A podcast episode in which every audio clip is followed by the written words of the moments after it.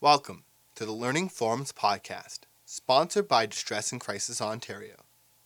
Learning Forums offers programs specifically designed for DCO member organizations. This podcast is meant to inform, educate, and support your work.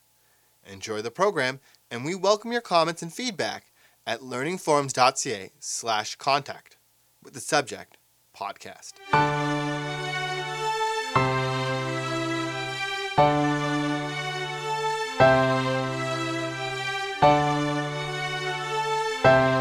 My name is Dennis Long. I'm the Executive Director of Breakaway Addiction Services in Toronto. We operate a methadone treatment facility, better known as an opiate treatment facility, a uh, street outreach program, youth and family program, and a housing program. And right now we're going to talk a little bit about how to deal with people who phone up to your distress lines who are users or families of users of opiate drugs. You're more of the experts on what happens on a distress line than I am, so I want to just say that at the beginning. But I think one of the things we have to be really aware of, as we were saying in the previous session, really have to talk a lot about stigma and prejudice. Because in our society, being a drug user often means that you're stigmatized, marginalized in many ways, and often find it very, very difficult to admit to that behavior to other people unless they're fellow drug users. That probably is where we have to start from. When you're going to work with people with drug related problems or drug users, first you got to get rid of your own prejudices and your own uh, biases and your own assumptions about drug users. Assumptions often are all drug users are street involved. Many of them are sex trade workers. Many of them are thieves. They all lie all the time. And all of those kinds of things that are the kind of stereotypes that we apply to drug users. None of them are, are universally true. Drug users don't lie any more than the rest of us. If they're in the right environment, they probably are more honest than the rest of us but the issue is judgment. Remember high school? If you were called into the principal's office, or even better, the vice principal's office, who in most schools was the disciplinarian, chances of you wanting to tell the truth to that guy were probably fairly low because you knew if you admitted to whatever you've been up to, that you were likely to be punished for it. So your chances of stretching the truth or lying were very high. If we are in a judgmental situation, we tend to try to minimize damage to ourselves. If we're in a non judgmental situation where people are accepting of your behavior, then the chances of you being honest about it are way more. And the same thing applies to drug users. If somebody who is a drug user phones the phone and admits to drug use, and your immediate thing is, oh, you got one of those, damn, it's going to be a problem. It's going to mean that immediately their defenses are going to go up. Uh oh, I've got another one of those. You have to really examine your assumptions. Not all drug users have a problem with drug use. They may not be calling because they have a problem with their drug use. It may be incidental. So, probably the first thing you have to do is to determine what is the real reason for this call. Why is this person on the phone to me? If he or she is admitting to drug use, is it related to the drug use? Is it because they're going through some kind of crisis, either in terms of what they've been doing, or, or maybe somebody is starting to give them trouble for their drug use? What's going on? You really need to know that because normally people don't call if they're run a mill day. Why would they call? And don't make the mistake, and I think this is really, really important, to assume that everybody who uses drugs wants help to get off using the drug. Often they don't. They're having a crisis like anybody else who calls who isn't a drug user, and they need help with that, not with necessarily, oh, I can help you get off drugs. I don't want to get off drugs that is one of the problems that often confronts people, particularly when you go for help as anybody else would go for help for associated or non associated problems. Also, be careful, I guess, of the fact that a lot of times people will phone up having quote unquote got religion, I'm, and I'm not um, using that in, in a literal sense. But we often get people coming into our clinic and they're saying, I've had enough. I not only want to quit using heroin, I want to quit smoking, I want to quit drinking, and I want to quit fooling around with loose women. I want to cut it all out right now, this day. Never works. It's a bit too ambitious. It's sort of going from riding a bicycle to driving a semi overnight. You can't do it. And I think sometimes when people get on the phone, you really have to unpack that. You're really going to have to work with that person about, well, what's the most important thing right now? What's causing the most damage? Where are you needing to put your energy? Because if you do it that way, you're going to give up by next week. Those are the filters that you would have to put in place at the beginning. What's the call about? Why are you calling me? Is it about your drug use? Is it not about your drug use? Your girlfriend left you. Your wife moved out because she couldn't handle your drug use anymore. Is, is that about your drug use or is that about the breakup? You've got to be able to figure out where they want the help the most.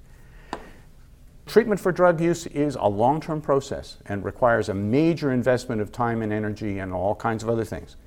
So before you want to put people on that road, you want to make sure they want to get on that road. So let's assume that, in fact, you have determined that people are phoning up in a, some kind of drug crisis and they want to have some help with what's going on and they're looking towards, legitimately, towards some kind of treatment intervention at some point. What do you need to know? You need to know their history of drug use. What are they using? How long have they been using it? When do they use? How do they use? There's a lot of difference between popping pills and starting and sticking needles in your arm. What are the negative consequences of this use? What's happening for you? In some cases, it's often important also to talk a little bit about the positives. What is it that, you know, people don't do this stuff for no reason. Sometimes there's some real positives towards drug use, and you need to know that as well. Then you need to really explore well, what do you want to do about it? And you need to blow up a couple of myths the idea that you can have an intervention and be uh, confronted by your family members and sent off the next morning to residential treatment. Well, given that our waiting list for residential treatment in this province is somewhere in the neighborhood of six months, is not really very realistic. You know, what we really need to do is dispel myths. One is there's no quick fix. This is going to be a long term process. Um, getting into it is really contingent on a full and comprehensive assessments, which will probably take a fairly extended period of time to complete. What people need to understand is that in the treatment system, if you enter it, we're going to look at the least intrusive intervention we can think of first. So, you know, the idea, like Lindsay Lohan and all those other folks, that you go off for a month or two months into uh, rehab. No, you don't in Ontario, as a matter of fact, intensive treatment it runs 21 days, government mandated. Got 21 days, that's it, three weeks. And by and large, that's only getting you through the gates to treatment. The treatment will go on for years after that. It's really important to understand that a lot of people have a mythologized addictions treatment that you go to some place, you stay there for a period of time, you come back cured. Um, it simply doesn't work that way. Most work is done on an outpatient basis. Few times people are, if they do go into inpatient, it's a very short term thing, and then it's followed by a long period of outpatient treatment of one sort or another. The idea that you will be asked to be abstinent as part of the treatment protocol is also not so true anymore.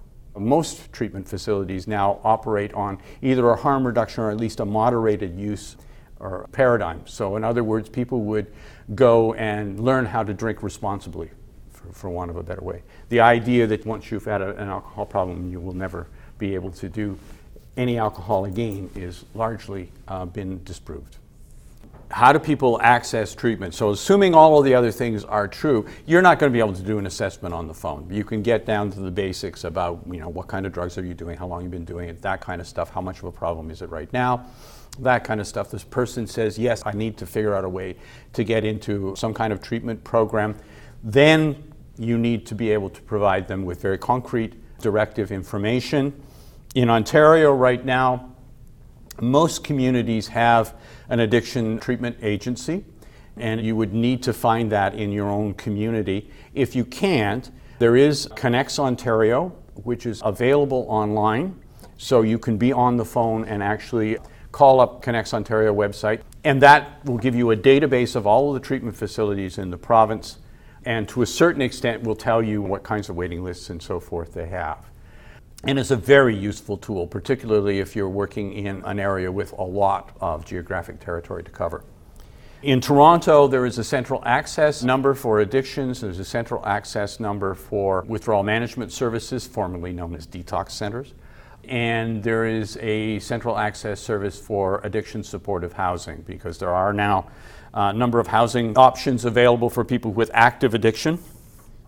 And a wonderful resource in the GTA is probably CAMH as well, which also provides a fair amount of information and direction in terms of it. And they have their own assessment center called MARS, interestingly enough, M A R S, which will provide within a matter of two weeks an assessment of somebody looking for treatment. They don't provide treatment, but they will assess and decide where that person needs to go and what kinds of services they need. Opiate replacement therapy, methadone, and so on um, it used to be that that was very, very difficult to access in this province. Um, waiting lists stretched to years. Over the last 15 years, we have ameliorated that problem quite significantly. Now, at least in Toronto, city of, you won't wait any time at all to get into a methadone treatment program. You might wait a little longer in some of the other parts of the province with much less accessibility. And if you need to know where to find that, you probably won't find it through ConnexOntario. You would have to call the College of Physicians and Surgeons Ontario, which keeps a database of all of the methadone providers in the province. It might be something that you would think about wherever you're working on a distress line to have that information at your fingertips. So it would be worth probably to call the college and say, who's providing methadone in my area, and can I have a list of those? If it's a family that's calling, so we've sort of dealt with, you know, if the user is calling, if it's a family and it isn't that classic, you know, I got a friend, which I get all the time around at times, you know, when I tell people what I do, you know, always, I got a friend. And sometimes it really is a friend and sometimes it's, it's me, but I'm going to tell you about my friend. So once you've determined that it in fact is a family member or a close friend or a partner or whatever, then again you have to clarify the needs. Why are you calling? What's going on? You really need to know what the territory is about. Why is this person on the other end of the line? Is it that the person that they're calling about is causing them such grief that they need to figure out what to do about it? Are they genuinely concerned about that individual and want to figure out what to do to help them? Which is it, and how does that work? Once you've figured that out, and I think a lot of times what you need to do again is kind of like, well, how long has this person been using? What kinds of drugs are they using? How are they using? All that kind of stuff. Also, what happens when this person does drugs? How does it impact your life? What's it doing to their lives? Are they interested in doing anything about it? That's often a very key question. Because a lot of times people will phone and say, my husband, son, daughter, whoever, they're doing all this drugs and it's really miserable and I can't take it anymore and they really need to get help. How do I get them to get help? Do they want to get help? No. That's a problem. And really, what you need to be able to say at that time is, what are you going to do about you? Self care becomes really important because a lot of times people will call because they've run to the end of their rope the person's behavior has been so erratic, disruptive, threatening, who knows, that they can't deal with it anymore and they really want to help this person. They want this person to stop this kind of behavior and they're doing everything to try to make the thing better and they've run out of rope. They just run out of steam. Then I think the conversation has to go to how are you going to protect yourself? You're talking to me on a distress line, you're distressed. How are you going to take care of yourself? Let's not talk about the other person right now. Let's talk about you and how are you going to deal with this? Because then it becomes much more of an issue of how do I deal with myself and how do I protect myself from the negative consequences of living or being associated with this individual. That's not going to be an easy conversation. That I think really needs to be clear because a lot of times we want to go to the problem. A lot of times people just want to talk about a problem. They don't want to fix, they just need to talk. So understanding that, but also understanding what's the motivation on the part of the individual that you're talking about to get help. Motivation is not easy, and it's a two way street. If that individual is not showing any interest in reforming or, or changing their behavior pattern, then the chances are not good that you or this person who's close to them are going to do, have any impact whatsoever. However, if they are interested in changing, well, then what do you do? And how do you get that person to the treatment? You really have to understand that the amount of intervention that people can do with other people is limited. And if they are willing, then, I mean, we go back to the same kind of thing. Talk about what you've done. What are the things you've done to try to help this individual? And here we're assuming some kind of a mutual goodwill. What have you done to try to help them? How did it work out? So then you have some sense of not going down those roads because it didn't work then where do we want them to go? And again, you know, giving good history, understanding what's going on, getting a good picture of the lay of the land in that situation so that you understand where you're going next is really, really important.